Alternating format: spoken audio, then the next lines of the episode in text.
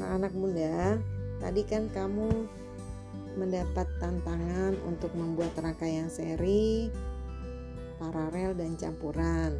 Nah, itu layout atau tata letak bisa kamu buat di kertas gambar A3 ukuran A3 atau buku gambar yang besar ya.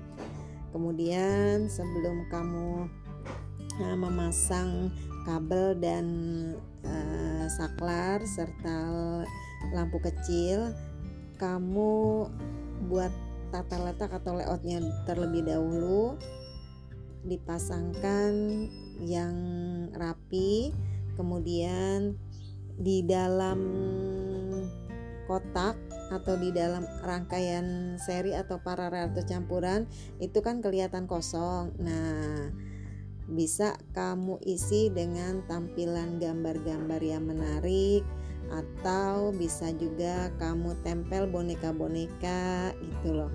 Jadi tetap kabel-kabel itu terurai. Nah, di dalam uh, kabel itu kan kosong, itu bisa kamu hias dengan uh, macam-macam gambar atau tata letak dari sebuah kamar. Oke, jika belum paham juga boleh menghubungi Bunda ya. Selamat berkarya, uh, kerjakan dengan hati gembira, uh, sukses terus untuk kamu semua. Assalamualaikum.